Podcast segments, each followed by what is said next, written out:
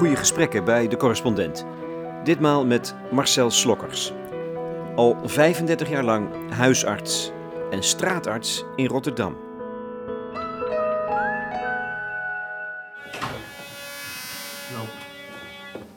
Ja, we gaan eerst, eerst naar boven. Uh, zoals in alle instellingen mag ook hier niet meer gerookt worden. Wat echt wel een, een ding is. Voor daklozen. Uh, hartgebruikers, uh, die, dat dat ooit gelukt is. Maar we gaan... een, een belangrijker plek daarvoor is het balkon geworden. Soep, hè? Weet je wat ik de laatst heb meegemaakt? In een verzorgingshuis? Dat de scootmobiel naar beneden gevallen was. Met de persoon. En ik vind dit zo gevaarlijk. Dus daarom zijn ze echt een beetje streng. En dan ben ik hier niet de baas van het huishouden. Maar Nee, ik wil maar- niet hebben dat jij met al je kreukels... Nee, maar meer- iemand heeft me wel dat gezegd. Weet je? Ja, Dat- we moeten hier misschien wel een paal zetten. Maar nog belangrijker is, ook al loop je heel slecht... dat je niet met de scootmobiel... eh, Eigenlijk, ik mag helemaal niet hier parkeren, omdat ik wil het even snel in. Ik kan een beetje geld pakken, dan een shopje koffie daarom. Ja, ja, ja, ja. Even Ja. de koffieshop bezoeken. Ja. Maar ondertussen wil ik niet hebben dat jij met de scootmobiel naar beneden flikkert. eigenlijk, eigenlijk. Slokkers leidt me rond op de locatie waar hij één keer per week spreekuur houdt. Het Centrum voor Dienstverlening Havenzicht in Kralingen. Dit is een plek waar enkele dak- en thuislozen worden opgevangen. Nou, dit is dan het eh, balkonnetje. Ja. En hier kunnen de mensen een sigaretje roken. Nou, dit moest gemaakt worden om te zorgen dat ze niet kletsnat werden als het Een, een regent. dakje dat tegen de regen beschermt. De, hal- ha- de helft van dit bit- patiootje is open. hier kunnen ze mooi psychotisch wezen. Heel hard gillen, midden in de nacht. Of even buiten zijn in de midden in de nacht, als ze hier in de opvang zijn. En toch niet de overlast geven aan de buurt. Omdat het lawaai die kant op gaat en niet zo. Je zegt, die zinnen, sommige zinnen Marcel, die slaan bij mij binnen als een bom. Hier kunnen ze even psychotisch wezen. Ja, dat mag toch? Dat moet toch mogen? Ja, bedoel, wij hebben ze ook liever op de medicatie, wat rustiger. Maar soms moet je een beetje nog met ze dealen om dat zover te krijgen. Nou, dat kan hier. Ja. Dat is mooi. En, en dan, oh ja, dan, dan la, hier kun je ze laten. Ja, en dan, dan eh, ja, ze slapen zo. Daar gaan we zo meteen naartoe. De nachtopvang bestaat hier uit twee persoonskamertjes. Daar slapen vrouwen. En we gaan nu naar een zaal. En de zalen, daar slapen mensen met z'n twaalfen in. Nou, ik ga je, hoef je niet uit te leggen dat op een slaapzaal met twaalf man slapen niet een grote luxe is. Het is donker. Er staan hier inderdaad twaalf stapelbedden. Ligt bij slapen wel vier, vijf mensen te slapen. Blijf gaan hier. Niet hard op praten. Nee, begrijp ik. Ja. We praten niet in de zaal nu meer, maar er liggen al vijf mensen te slapen. En het is dus nu half negen. Eh, en dat is omdat die mensen hartstikke moe zijn. Die hebben al een zware dag op. Die Een mensen dag van strijd, denk ik. Of Ja, van en- overleven en, misschien. En, en zorgen dat ze vanavond ingelood waren. En zorgen dat ze toch iets te eten hebben gehad vandaag. Zorgen dat ze ergens in deze stad, zonder een bekeuring te krijgen, eh, een plasje hebben kunnen doen. Eh, zorgen dat ze de dag een beetje gevuld of geritseld hebben. Die zijn echt kapot moe. Ja. Ja, en, en Wat betekent het overigens ingelood zijn? nou ja, je, er zijn 3.500 mensen op jaarbasis in Rotterdam die nachtopvang willen. Die komen bij de gemeente, bij een gemeentelokaal, het centraal onthaal. Maar uiteindelijk krijgen er duizend eh, volwassen mannen en- en vrouwen een pasje. eh, om die opvang te krijgen. En uiteindelijk hebben we voor 280 mensen plaats. Nou, als het zou, zou zijn dat iemand hier een paar weken is meteen door zou stromen, dan zou het allemaal passen. Eh, een heleboel mensen die geconfronteerd met de nachtopvang kiezen dan toch weer voor andere eh, dingen. Hè? Het slapen bij, eh, bij bekenden eh, wordt weer opnieuw uitgeprobeerd. Het slapen bij, in, in een autootje of eh, hè, wordt weer gedaan. Maar dat geeft aan wat, wat te druk is. En, en ja, helaas, ondanks de gemeentelijke inspanningen... zijn er steeds weer mensen die uitgeloot, uitgeloot worden. Dus als je hier binnen bent, heb je even voor een nacht rust, zou je kunnen zeggen. Maar is er dan niet een soort run op? Is die strijd onderling Nou, om, hebben- om zo'n plek te krijgen niet te Die groot? 82 plaatsen zijn op verschillende locaties, bij het leger des Heils. Marcel Slokkers is huisarts en straatarts.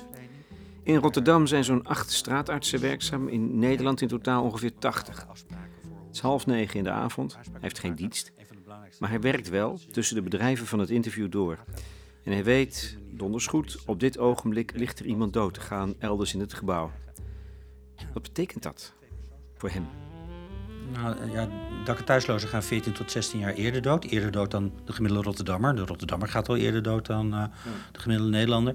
Ja, dat is eh, ook voor de, de verpleegkundigen en eh, voor ons allemaal ja, wel zwaar. Omdat het ook vaak veel meer ja, de leeftijdsgenoten van zijn... in plaats van hè, de, de leeftijd van je ouders. Dus eh, dat maakt het werk voor verpleegkundigen heel zwaar. Als hier eh, heel jong iemand eh, doodgaat, dan eh, komt dat harder binnen. En bij jou? Ja, bij mij natuurlijk ook. Ehm, het is niet alleen een, dat ze niet een makkelijk leven hebben gehad, maar ze hebben ook vaak op het laatste stukje ook niet altijd een makkelijke dood. Ehm, een lichaam wat vol met alcohol, drugs, eh ja, morfineachtige stoffen, methadon, volgestouwd is met pillen eh, ehm, die mensen ongelooflijk veel hebben geslikt. Dat zorgt er ook voor dat het lichaam ook anders reageert op de, op de middelen die wij hebben als, als, als eh, straatdokters en op het, laatste stukje van het leven. Zo'n 30.000 mensen in Nederland van de 160.000 die doodgaan, gaan uiteindelijk dood aan wat we noemen palliatieve sedatie. Dat is toch een manier waarbij wij als huisartsen ons best doen om iemand soort ge- geleidelijk uit het leven te laten glijden. Maar dan gebruik je eigenlijk morfine eh, en midazolam. Hè. Dus, nou, morfine, dat is natuurlijk een stofje wat we ook gebruiken, wat ook gebruikt wordt eh, door de, de heroïne en de methadon. En, en de midazolam lijkt ook erg op de alle, alle andere pillen die geslikt worden in het middelenmisbruik. Dus dat zijn stofjes waar we dan op het laatste stukje eigenlijk niet goed mee uitkomen om de mensen comfortabel te maken. Dus het comfortabel maken in het laatste stukje van het leven, dat is, eh, Dat is dat is best wel een straatdokter ding. Ja. Ja. Dus het is een veel hardere dood. Ruwer, gewelddadiger, Ja. pijnlijker, gemener. Ja, een, een dood die vaak eh, eenzamer is, eh, omdat er vaak, vaak weinig eh, mensen, familie, betrokkenen. Ja, wij, de verpleegkundigen hier op de afdeling, dat zijn, hè, is, is dan de familie geworden, zeg maar. Ehm, en een dood die, ja, waar wij als dokters nog niet de goede antwoorden voor hebben gevonden. Dus we moeten nog slimmere middelen hè, of andere doseringen gebruiken. En ja, wij, ja, als je ergens eh, eh, hoge doseringen moet gebruiken, dan, dan is dat hier wel. Dus ja, dat moet ik ook altijd goed in samenspraak met anderen doen om, om, om dat te kunnen verantwoorden. Eh, er komt nu een patiënt binnen. Die gaat even voor. Ja, die gaat even voor. Ja.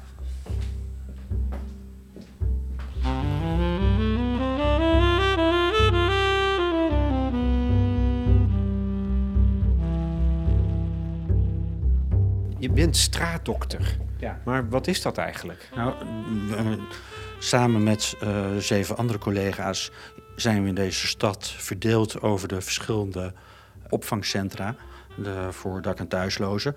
Uh, zijn we ieder aan een, aan een locatie verbonden. En proberen we daar goed te zorgen voor de mensen, waarbij we samen één netwerk hebben eh, van een computersysteem waar alle patiënten in staan. En samen met straatverpleegkundigen doen we hier spreekuren eh, op elke locatie op een andere dag. In de Pauluskerk een aantal dagen door, de- door de week, op andere locaties vaak in de avonden. En daar zien we mensen die eh, ja, ziek zijn en ziek in de opvang zijn. Maar we zien ook vooral mensen die eh, bijvoorbeeld eh, eh, ongedocumenteerd illegaal zijn, geen papieren hebben, geen verzekering. En mensen die wel gewoon Nederlandse afkomst hebben, maar omdat ze geen adres hebben, uit de verzekering gezet worden. Ja, dat uit de verzekering gezet zijn, dat is iets wat wij als Nederlanders met elkaar hebben afgesproken. En dat noem ik tot- nog steeds op de dag van vandaag nog steeds een grote schande.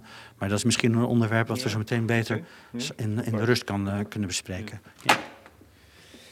Ja. we hier nu in de, de zogenaamde eh, ka- kamers, de eenpersoonskamers, voor de mensen die, eh, ja, wat we noemen, uitgezworven zwervers zijn. De mensen die op heel veel terreinen problemen hebben. En op het terrein van verslaving en psychiatrie. eh, en eh, eh, lichamelijke ziektes, maar ook vaak een handicap hebben. Doordat ze, zoals deze man net, ja, amper kunnen lopen hè, of, of blind zijn. Of, hè. Dus die moeten een combinatie hebben van vier verschillende eh, zwaartes, zorgzwaartes. Eh, als iemand alleen maar psychiatrie, eh, psychiatrische problemen heeft of alleen maar een uh, verslavingsprobleem, dan hebben we maatschappelijke opvangplekken op allerlei locaties. Maar omdat we hier 24 uur per dag verpleegkundigen hebben, kunnen er ja, weer hier ook wat andere mensen ook op de achterwacht van de verpleegkundigen leunen.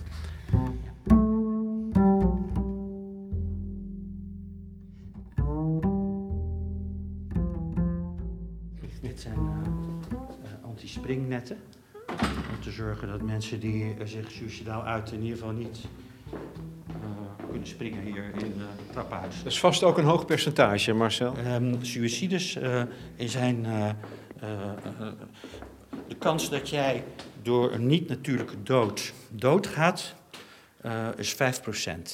Voor de gemiddelde Nederlander gaat voor 5% kans niet-natuurlijke dood. Eh, de dak- en thuislozen gaan voor 25% uh, een niet-natuurlijke dood. Een kwart. Dus dat is vijf keer zoveel. Dus betekent eerder overhoop gereden worden als je dronken de straat oversteekt. Eerder eh, eh, su- suïcide, eerder verdrinken, eerder doodgestoken worden ook. Eh, we hebben laten zien in een groot onderzoek dat in 2006, toen we veel be- beter gingen zorgen voor de mensen, voor dak- en thuislozen, dat we een halvering van de niet-natuurlijke dood zagen.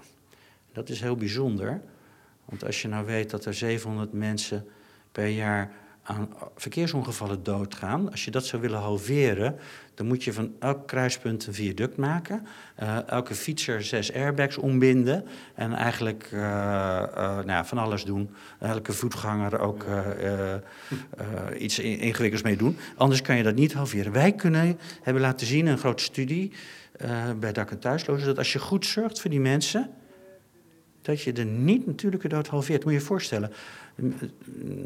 Mensen in de grote steden hebben in 2006 veel gewonnen... doordat er veel mensen veel minder inbraken waren toen we goed gingen zorgen, veel minder criminaliteit. Maar het toppunt van veiligheid is niet dat er niet in je autoruit kapot geslagen wordt. Maar het toppunt is natuurlijk dat je kind niet ziet dat iemand voor de metro springt. En wat hield, en wat hield dat betere zorgen? Betere hè? zorgen, 2006 hè, is dat gebeurd. plan van maatschappelijke opvang betekent eh, en eh, zorgen dat ze eh, sneller huisvesting krijgen, en psy- betere psychiatrische begeleiding, en verslaving, en een dagbesteding, en hulp bij eh, beheersen van, van, van geld. En dat niet alleen als een enkel, alleen dit, alleen huizen of alleen psychiatrie of alleen verslaving, maar als een soort gezamenlijke aanpak. En die gezamenlijke aanpak, aanpak, maatschappelijke aanpak maatschappelijke opvang, dat is echt een successtory geworden. Alleen moeten we oppassen, want eh, dat werd toen eh, dik betaald door de AWBZ-gelden. Die AWBZ-gelden hebben natuurlijk de afgelopen jaren weer flink eh, afgebouwd. En ja, we zien... We gaan weer terug. We gaan weer terug naar terug.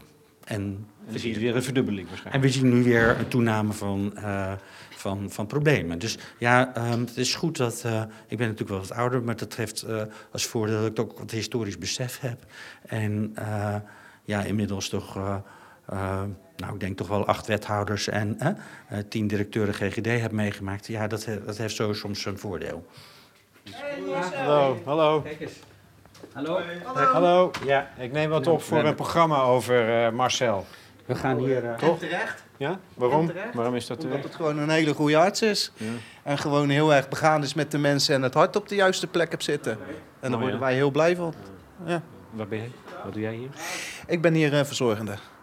En eh, ik word ook heel blij van mijn Ik werk. kan het zeggen, dan heb jij toch ook een goed hart? Absoluut. Hoop ik tenminste. Dat kan ik niet over mezelf zeggen, maar ik hoop dat anderen dat Kan niet vinden. anders. Dankjewel. Graag gedaan.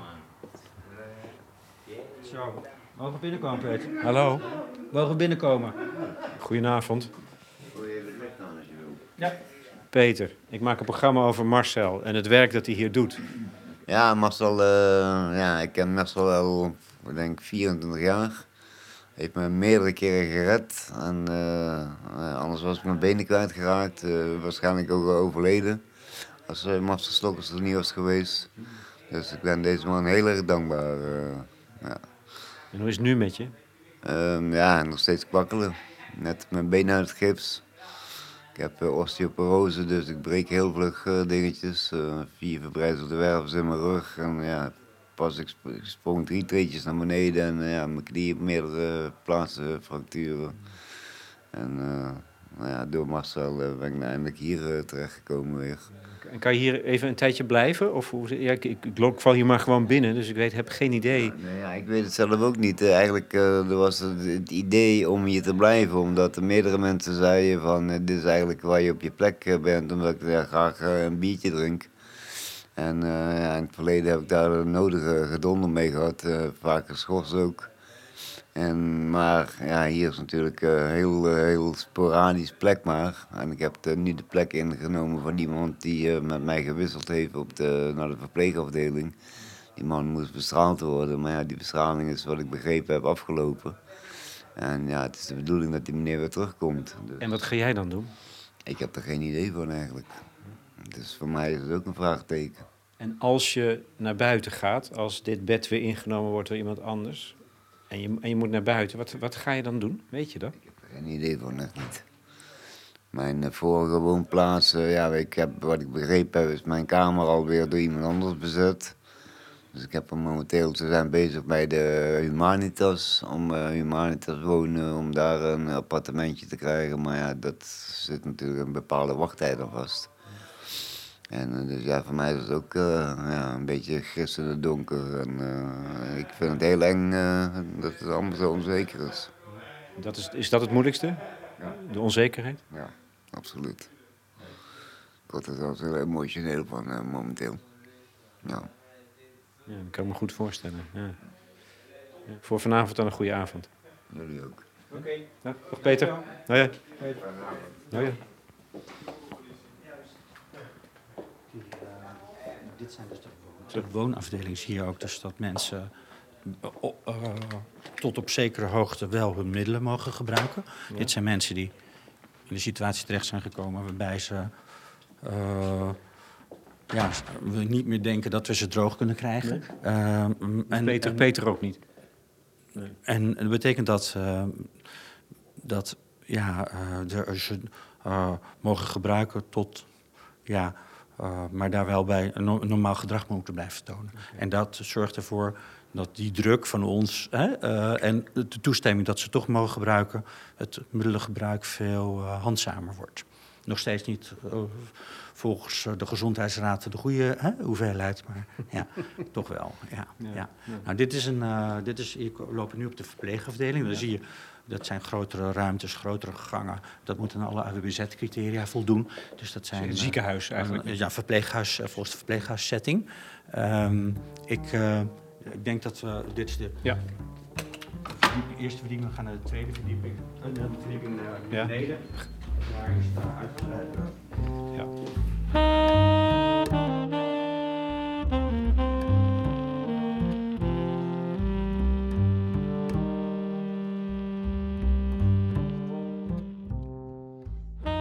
Je denkt natuurlijk bij straatdokter, hij, hij loopt op straat rond en dan kijkt hij waar mensen... Ja. Nee, Ehm, dat is een, het is een soort geuzennaam. Het is niet zo dat ik letterlijk eh, eh, onder de viaducten eh, kruip. Of in de rioolbuizen of in, de, in het Kruinse bos Heb je dat nog nooit gedaan trouwens? Nee, nou, eigenlijk nee. Eh, we hebben eigenlijk altijd het voordeel gehad dat we, dat we eigenlijk de mensen, eh, op- je hoort zegt het woord weten, dat, dat in de opvang op allerlei locaties er altijd eigenlijk op vaste da- dagen en tijden mensen zijn. En we hebben het voordeel dat buitenmedewerkers, hè, die eh, ja, mensen thuis, die mensen op straat bezoeken, ze naar ons weten te krijgen. En we kunnen hier veel meer dan, dan buiten op de straat. Je kunt buiten op straat wel, als je, als je een voet wil beoordelen die vies is, dan kan die beter hier hè, schoon gewassen worden en dan eh, bekeken worden. Dan, eh, Maar hoe- hoeveel tijd breng jij hier door? Want je bent huisarts en straatdokter. Ja, ik denk dat ik hier toch al een uurtje of tien in de week eh, bezig ben. Ja. Eh, dat betekent dat ik ja, toch bijna wel dagelijks even, even langsloop en woensdagavond spreken. Uh, waar, waarbij we met name voor de, ja, denk ik toch een belangrijke oplossing zijn voor dat probleem van de onverzekerden. En we hadden in 2014 eh, duidelijk neergezet dat alle ehm, dak- en thuislozen eh, in Rotterdam 14 tot 16 jaar eerder doodgaan. Eh, de vrouwen nog eerder dan mannen, dat is gek is, want je kunt geen studie bedenken in, in, de geneeskunde dat vrouwen eerder doodgaan. Vrou- Vrouwen gaan altijd, blijven altijd langer leven, door, die hebben minder onge- auto-ongelukken, die worden, gaan bij de bevalling... gaan eh, babymeisjes doen het beter dan babyjongetjes. Eh, maar eh, wij hebben dan een studie waaruit blijkt dat vrouwen, met name dakloze vrouwen, het veel slechter doen. Maar we hadden het in 2014 bewe- aangetoond. En prompt in 2015 eh, heeft heel de, alle, de hele Tweede Kamer en het ministerie van VWS en alle zorgverzekeraars hebben toen besloten om de mensen zonder adres voortaan maar uit de verzekering te zetten. En dat was echt een ontzettende klap voor ons. Want dat, ja, dat onverzekerd zijn, je moet je voorstellen dat, dat de telling van de GGD Rotterdam uh, ongeveer is dat er 2000 zogenaamde bankslapers hebben. Dat betekent niet dat er 2000 mensen vanavond op een bankje in het bos of in, het park liggen, maar dat er 2000 mensen bij iemand thuis vanavond dan wel ergens een slaap, kunnen slapen en dan morgenavond weer bij iemand anders waarschijnlijk. Maar dat dat mensen zijn die zich daar niet mogen inschrijven. En als je geen inschrijving hebt in de gemeente, ja, dan vervallen allerlei rechten hè, op uh, uh, uh, uitkering, AOW, waaijong. Ehm, maar ook is vanaf 2015 het zo dat je ook uit je verzekering gezet wordt. Dus en dat vind jij een, een juridische schending van een mensenrecht, toch? Ja, dat is een mensenrecht. Een mensenrecht is uh, toegankelijkheid van zorg. En een mensenrecht is ook um, dat wij juist ervoor zijn uh, voor de kwetsbaren. En ik denk dat uh, juist dit, dit de, de, grote verzameling kwetsbaren is. Ja. En die kwetsbaren die straf je door ze helemaal niet meer te kunnen vinden. Niet eens meer in je eigen in je eigen systemen. En ik vind het echt een soort systeemdenken van mensen met een IQ boven de 120, uh, eh, die te weinig rekening houden met mensen uh, die, die, die zijn, eh, zijn. Je vroeg net van hoeveel mm, zijn er met een verstandelijke beperking? Ja, 30% heeft een verstandelijke beperking. Bijna allemaal hebben ze of psychiatrische of verslavingsproblemen, of, of alle drie: verslavingsprobleem, psychiatrisch probleem en een verstandelijke beperking. En vaak gaat het door, door het een komt het ander. Maar dit, dit gaat voorbij zorg. Dit, gaat dit, dit, dit, dit, gaat, dit is preventie. Dit is, uh, uh, maar maar zor, zorgen voor dak- en thuislozen gaat ook voorbij zorg. Zorgen voor dak- en thuislozen betekent eigenlijk stoppen met alleen maar medisch denken. Dat betekent dat uh, de, de wethouder woning, die over de woningen gaat een schop onder zijn kont moet krijgen. Dat betekent ehm, dat, ja, dat je op allerlei ja. terreinen... Ja, want jij bent niet alleen arts, maar ook psycholoog, denk ik. Je bent maatschappelijk werker. Je bent uh, vriend hier. Je bent activist. Ja, nou, ik denk dat ik wel, dat, uh, dat ik wel een soort spreekbuis ben uh, voor, voor ze. Um, en dat, uh, maar ik, ik doe dat net, net zoals ik dat net met jou heb gedaan. Door eerst een loopje met jou door het pand te maken en de mensen te laten zeggen. Uh, hè, zoals, Altijd, dat is je strategie. Ja, dus als ik een college geef, ga ik niet naar een college toe zonder dat ik een, een dak thuisloos of ervaringsdeskundige meeneem. Want ik denk altijd dat, uh, dat zij het beter kunnen zeggen dan ik. Ja. Nou, Sven de Lange, de, de wethouder zorg uh, in deze stad, die kwam hier op een woensdagavond om vijf uur meedoen met spreekuur en om, om half twaalf Hè, 34 mensen verder, hè, was die er nog? Hè? Ja, dat, het maakt ook indruk op ja. uh, wat, wat, wat je ziet in het ja. uh, rioolpotje van de zorg. Ja. En uh, ja, ik denk dat dat ook uh, de manier is hoe we het beleidsmakers moeten uitleggen. Even één ding, als het gaat om dat beleid. Je had het over 2014 of 2015 dat, dat mensen toch toen weer onverzekerd mochten zijn in Nederland, wat een soort juridische schandaad is.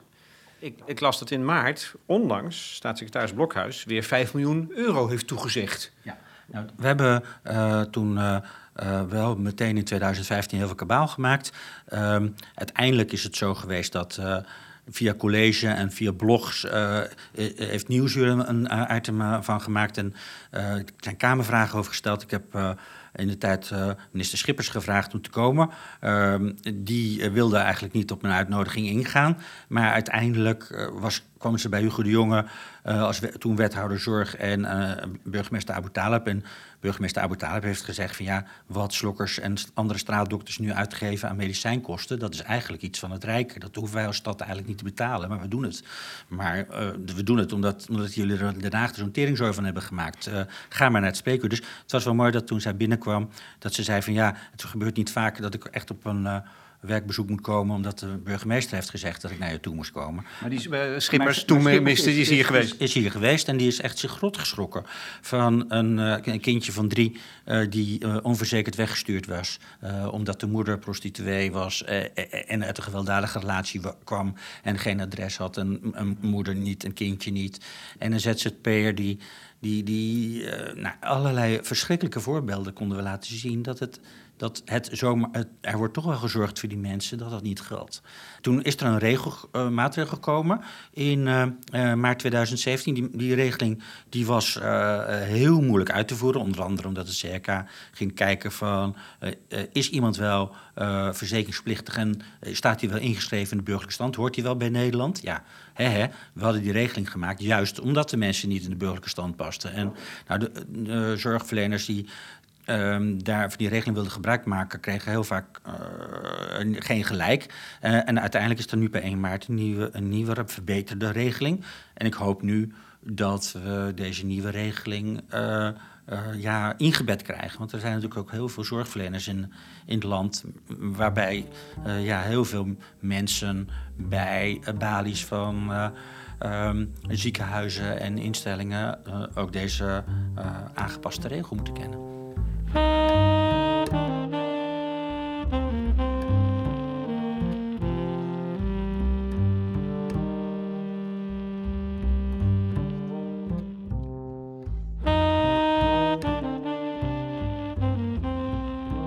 En, en ja, wat onze grote zorg is, is dat uh, juist bij hele ingewikkelde problemen uh, blijkt hoe belangrijk in die zorg samenwerking is. Uh, ik ben 35 jaar huisarts, 35 jaar staatdokter, maar toen ik 30 jaar geleden een vrouw kreeg met borstkanker, dan werd die vrouw gezien door uh, een chirurg. En weken maanden later kwam die nog eens bij de bestralingsdokter. En weken maanden later kwam die misschien ook nog eens bij een dokter voor de, voor de, voor de chemo. Maar dat hebben we natuurlijk helemaal omgegooid een, vrouw met een, een, borstkanker wordt eerst in een heel team besproken van bestralingsdokter, chemodokter en, en, en chirurg. En met dat team wordt dan bekeken van wat is bij deze vrouw, bij deze vorm van kanker de beste oplossing. En daarna wordt pas uh, uh, gezegd van jij gaat eerst doen en, en dan ga jij dat doen. En, en zo uh, dat boven je professie uittreden en individueel kijken naar de problematiek niet meer, maar gewoon met elkaar kijken naar de hele problematiek. Dat zou natuurlijk eigenlijk de echte, de echte oppak moeten zijn. Ook en, hier in deze ook problematiek. Hier in deze problematiek. En, uh, en, met, en uh, de persoon van de, die de schulden aanpakt en de, de, de, de, de, de, de dokter en de... Uh, we zijn heel blij met een artsverstandelijk gehandicapte die hier op consult ook hè, komt om mee te denken. En dat is zo fantastisch van Havenzicht. Dus dat, dat we hier dus... Ja, ik ben dan hier de staatdokter, maar de staatdokter uh, artsverstandelijk gehandicapte... die komt hier mensen bekijken die, waarvan we denken van ja... Uh, we moeten echt een betere indicatie krijgen dat hij niet doorstroomt opnieuw naar een kamertje of een plekje waar hij uh, drie maanden la later weer dakloos wordt, omdat iedereen hem overschat met zijn grote bek. Ja, nee, en, maar, en, en is die bereidheid tot samenwerking over je eigen grenzen heen, voor je eigen vak, over je eigen organisatie heen, als dat cruciaal is voor goede zorg, overal, dus ook aan de onderkant van de samenleving, is die, is die bereidheid er? En zie je dat al een beetje ontstaan nu? Nou ja, er is wel, er is wel bereidheid en zijn, zijn vooral de verpleegkundigen die dat aan elkaar breien, uh, die, die stukjes informatie en stukjes zorg. Um, en, en, en notabene in de Lancet uh, heeft vorig jaar een groot artikel gestaan van uh, allerlei straatdokters uit heel de wereld die hier een goed rapport over gemaakt hebben, die pleiten voor deze vorm van aanpak. Hè, net zo goed als we dat doen voor de borstkankerzorg. Ja, uh, maar dat betekent ook een ontzettende overstijging, omdat um, elk, uh, elke partij wordt betaald vanuit zijn eigen potje. Hè. Dus, dus, dus de, uh, we hebben een, een, een weerwar van, van regeltjes waar, die niet gewerkt hebben voor deze mensen, anders waren ze niet dakloos geworden. Maar nu ze dakloos zijn, denk ik dat je moest zeggen: Nou, gooi die regeltjes overboord, ga, ga veel creatiever aan de gang. En, en, en, en dat kan dan wat meer toe. Kan, kan dat of is dat een.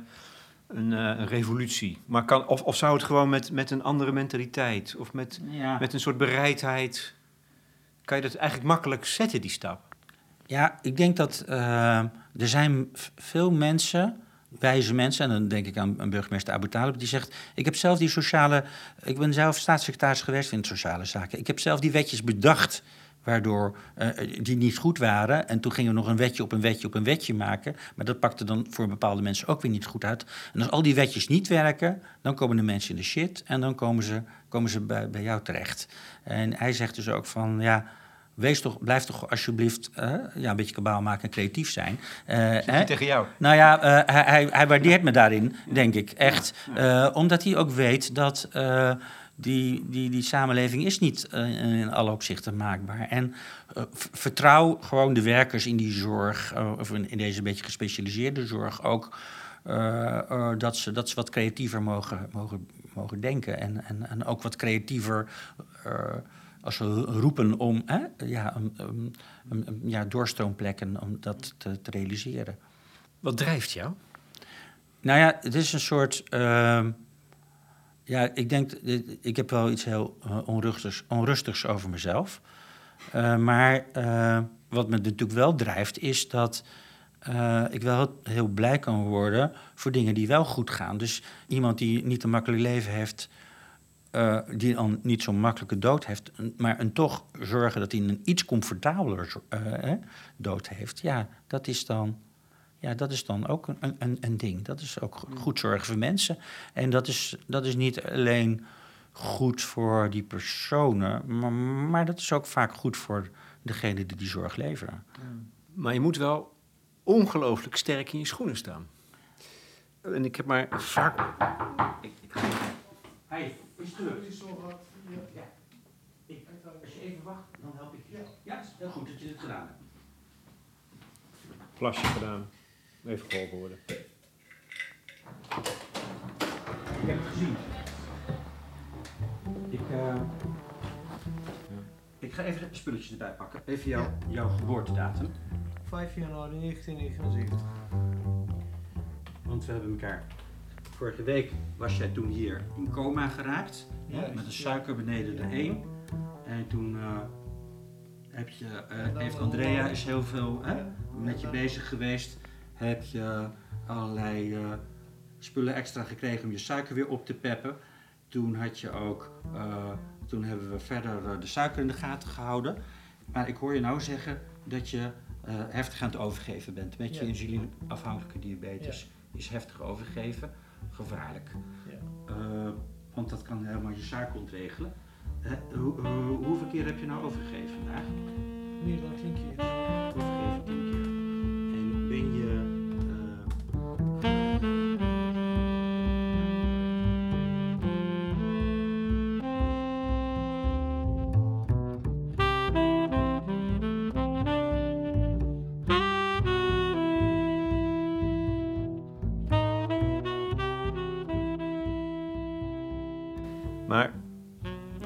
Ontleen je nou je kracht aan? Ja.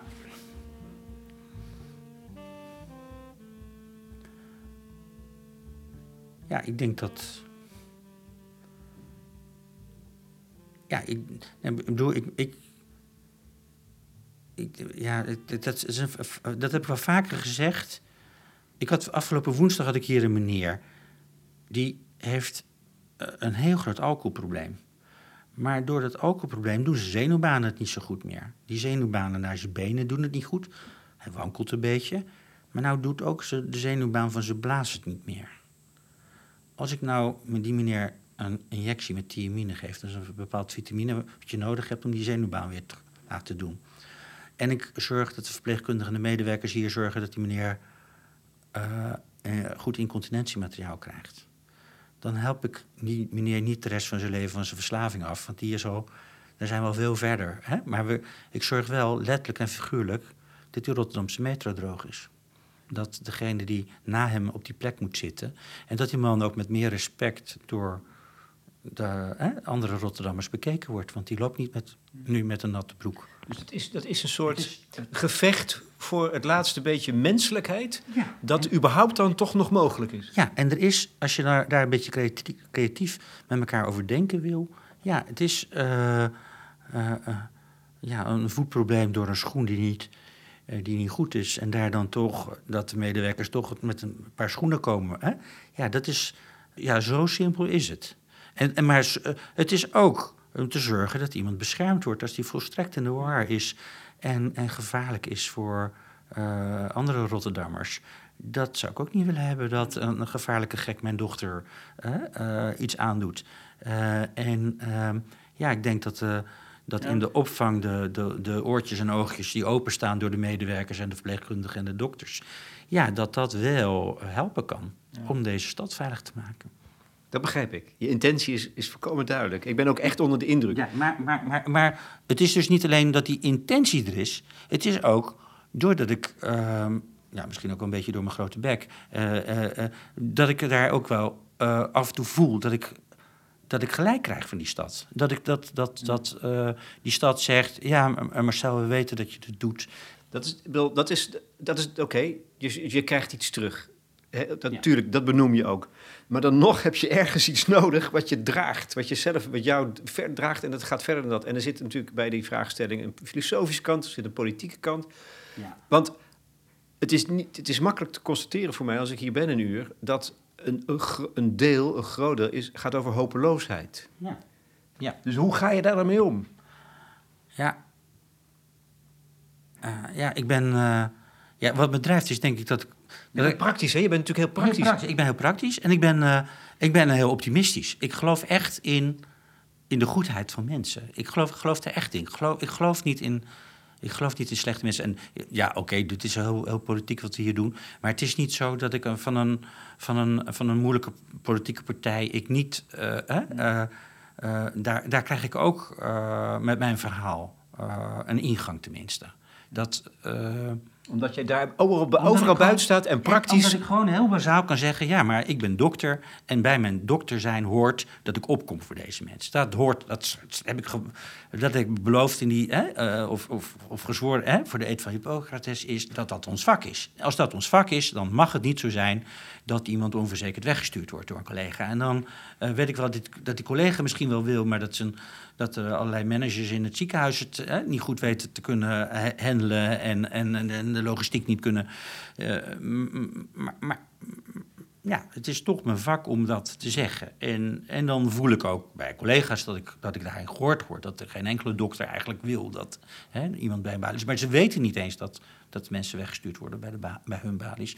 Omdat ze ook niet meer de baas zijn over hun balies. Hè, daar zijn andere eh, krachten en andere regels. Waarbij, ja, we hebben best wel veel regelgeving in dit, in dit land. Maar die regelgeving is de baas geworden van waar het om, eigenlijk om gaat. En eh, dat verhaal zeggen van de regelgeving is de baas niet, dat zijn de, dat zijn de mensen.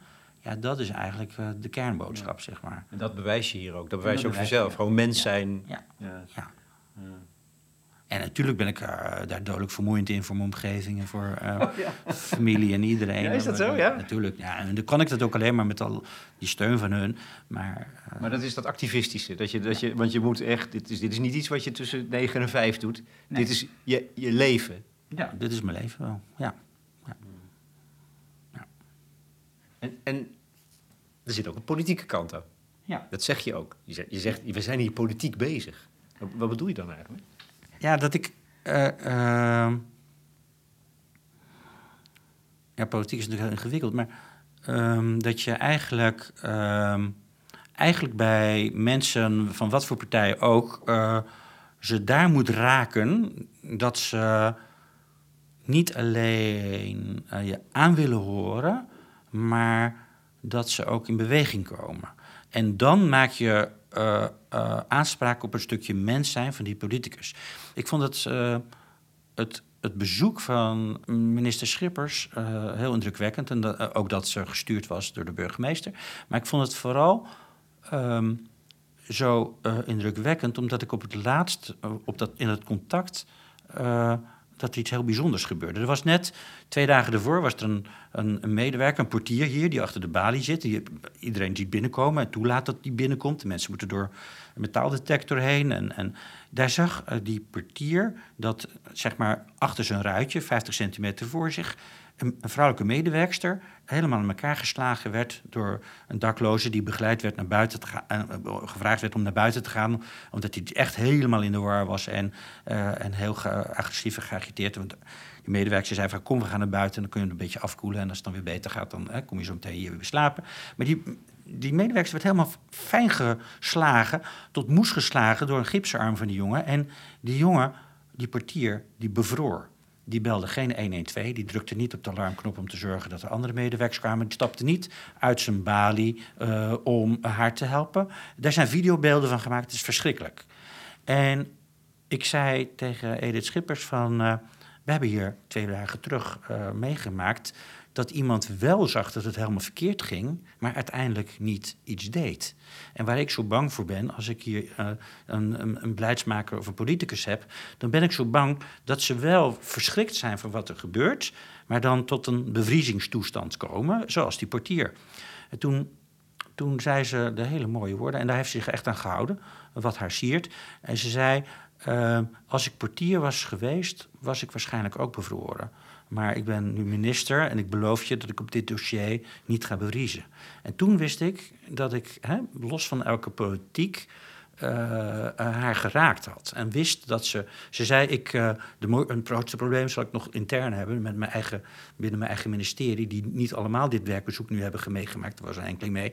Maar die moet ik laten zien wat voor indruk dit op gemaakt heeft. Maar de, ik zal daarvoor zorgen en zorgen dat er een regeling komt. En dan denk ik: van ja, dan ben je dus eigenlijk. Ja, dan ben je politiek bezig. Maar dan ben je dus eigenlijk even overstijgend boven die politiek bezig. En dan kom je bij de dingen waardoor de dingen echt gaan rollen. En als het over politiek gaat, um, je noemde het net het rioolputje van de zorg ja. waar je zit. Um, is het ook niet zo dat, uh, dat de zorg, en we zitten hier dan wel aan een specifieke hoek, maar in het algemeen eigenlijk voor problemen op gaat draaien die maatschappelijk zijn? Die je dus ook eigenlijk maatschappelijk moet oplossen. Ja. Is dat ook niet het betoog? Want anders blijft het hier met de dwa en, overal in de zorg dweilen met de kraan open. Ja, dat klopt. Uh, als wij met z'n allen geen zicht hebben dat mensen een verstandelijke beperking hebben, ja, dan gaat het niet goed met ze. Als hun moeder dan doodgaat en zij, wij denken dat die, dat die 45-jarige zoon uh, met een klein beetje alcoholmisbruik uh, dan gelukkig uh, verder leeft en het wel kan rooien. Nee, die moeder was doodsbang natuurlijk toen dat, dat de zoon ooit een keer alleen zou komen te staan. En die ging te vroeg op haar zeventigste dood, maar die laat wel een jongen achter waarvan wij als samenleving niet goed weten dat dit eigenlijk niet, niet gaat redden. En als wij dat niet in de gaten hebben en die ja, die jongen wordt zijn huis uitgezet door schulden hè? En, en, en, en alcoholmisbruik. En ja, dan, uh, dan hebben we natuurlijk, zijn we eigenlijk al uh, veel stations te ver. Hè? Uh, als, als we pas de verstandelijke beperking hier in de maatschappelijke opvang ontdekken. Want alle mensen die hier in de opvang komen, op havenzicht, die worden gescreend op een verstandelijke beperking. Maar als je, als je niet weet wat de beperking is, dan kan je ook niet verder een goed traject omgaan. Dus dat is een van de, van de eerste dingen die in de intake gedaan worden. Als die al uh, niet klok kan tekenen, een klok kan tekenen of klok kan kijken, hoe kan hij dan uh, volgende week woensdag uh, om tien over half drie bij die behandelaar komen? Als wij niet, hem, niet weten dat hij geen klok kan kijken, dan hoeft, hoeven we hem daar ook niet naartoe te sturen, toch? Ja. ja. dat betekent dus, je kunt wel zeggen, de zorg um, moet vooral minder gaan kosten. Maar het is veel verstandiger om te zorgen voor een maatschappelijke zorg voor mensen die niet in alle opzichten voor zichzelf kunnen zorgen. Ja, dat is, dat is een, misschien een eenvoudige conclusie, maar misschien moet het. We leven al decennia lang uh, in, een, in een tijd waarbij al die verworvenheden van de sociaaldemocratie, waarbij voor mensen gezorgd wordt die het niet kunnen, opgeheven, volgens mij. En daar betalen we een hoge prijs voor. Ja, de, de, we doen ontzettend aanspraak op de zelfredzaamheid van, van. En dat alle wijkteams hebben het. Hè, we gaan proberen de mensen zo, zo zelfredzaam mogelijk te maken. Dat is een mooi streven.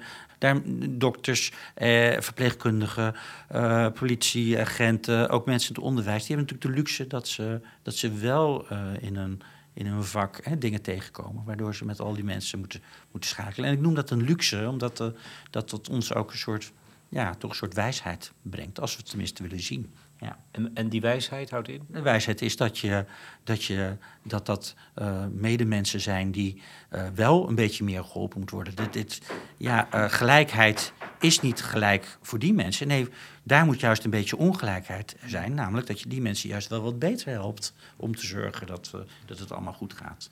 De, de, de, er is geen gelijkheid voor die, voor die laag. Nee, die moeten wat extra hebben. En als het gaat om dak- en thuislozen. Um uh, je bent geneigd om te zeggen, mij overkomt dat niet. Ik raak niet dak- en thuisloos. Dat is toch dat is een ander menstype of zo. Is dat zo? Er zijn geen twee daklozen hetzelfde. Dat heeft dat uh, Rotterdam-project bijvoorbeeld uh, eh, goed laten zien, dat programma. De- Van eh, het programma van Boven Erven. Hè? Eh, dus het is een extreem grote variatie. En het, ja, eh, mensen die geloven dat het hun niet overkomt, ik gun het hun dat ze dat geloven. Maar eh, onze werkelijkheid is anders. Ja. Eh, en ik denk dat waarbij ook eh, speelt dat we.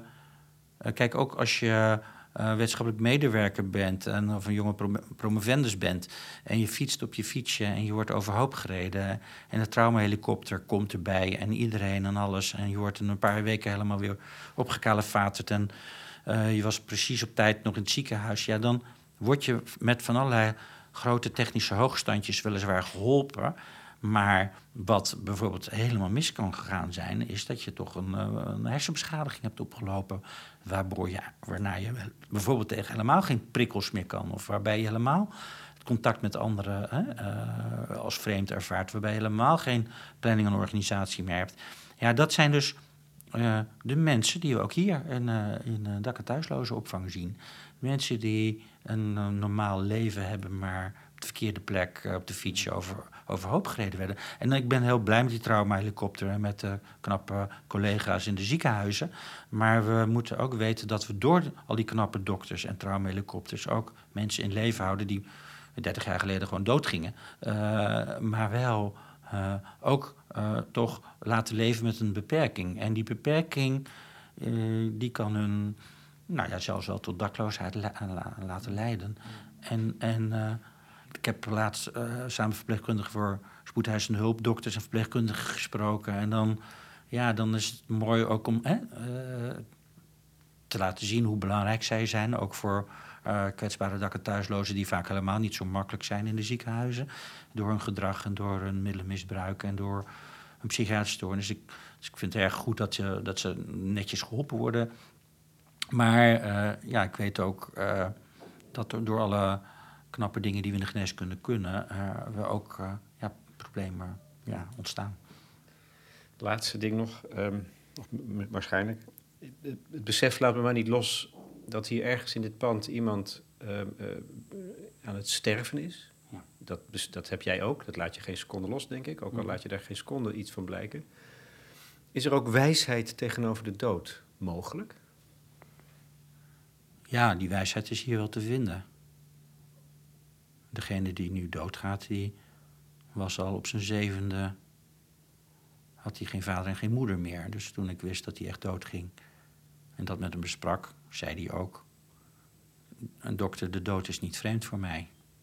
Want ik was zeven en ik had geen vader en moeder meer. Ja, daar word ik natuurlijk als dokter hè, wel heel stil van. Ja. Dus Ehm, ja, ik denk dat, eh, dat, dat eh, ieder wiens naaste doodgaat, hè, ja, daar, dat zijn natuurlijk eh, eh, kwetsbare, dierbare, hè, uiterst moeilijke, pijnlijke momenten. Maar dat geeft ons allemaal wel een spiegeltje van ja, hoe het met ons gaat en waar wij nou eigenlijk voor willen gaan. En, en eigenlijk hoe kwetsbaar wij zijn. Ja, eh, ontzettend kwetsbaar wij zijn. Ja, en ook, eh, ja, ik bedoel, de een is veel gevoeliger voor middelenmisbruik dan de ander. Maar, zeg nooit nooit. Hè? En het is natuurlijk verschrikkelijk dat wij hier 75 jaar daklozen zien... die eigenlijk dementie als oorzaak hebben voor hun dakloosheid. Ja, dan kunnen we wel eh, stoer zeggen dat onze AWBZ-premie veel beter betaalbaar is geworden, omdat er veel minder verzorgingshuizen zijn gekomen in dit land. Maar hoe stoer moeten we zijn als we duizend verzorgingshuizen in deze stad minder hebben sinds de afgelopen jaren en nu meer uh, hoogbejaarde dak- en thuislozen uh, uh, ja, pas ontdekken? Is, is dat vooruitgang? Is dat vooruitgang? Is dat waar we voor willen gaan? Dat, uh, zo moet de wereld toch niet in elkaar zitten. We, die, die, we hadden ze niet voor niks, hè? wel toen. En uh, tuurlijk, prachtig zelfredzaamheid en veel techniek in je huis halen om te zorgen dat als jij uh, broos en kwetsbaar wordt, hè, dat het op, op, tijd gesignaleerd wordt. Het, is allemaal waar, maar het is niet alleen maar waar.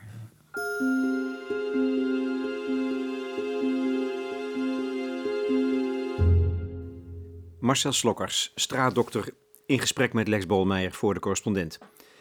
Op 25 juni houden de straatdokters in Nederland een symposium in Sertogenbos onder de noemer 100 jaar armoede op straat. Leden van de correspondent kunnen reageren op ons platform. Interessante vraag die Slokkers aan het einde aansnijdt. We kunnen medisch prachtige dingen doen, mensenlevens redden.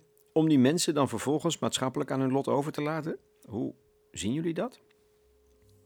Ik maak een kleine serie over de zorg in Nederland. Buitengewoon complexe materie. Dit was de eerste aflevering. De volgende nog zeker drie. Als je op de hoogte wilt blijven, meld je dan aan voor mijn nieuwsbrief. Dan geef ik bericht telkens als er weer een podcast online komt. Ten slotte, de muziek was van Chico Freeman. Een lekker onsentimentele tenorsaxofonist. Samen met bassist Heiri Kenzig van de CD The Arrival.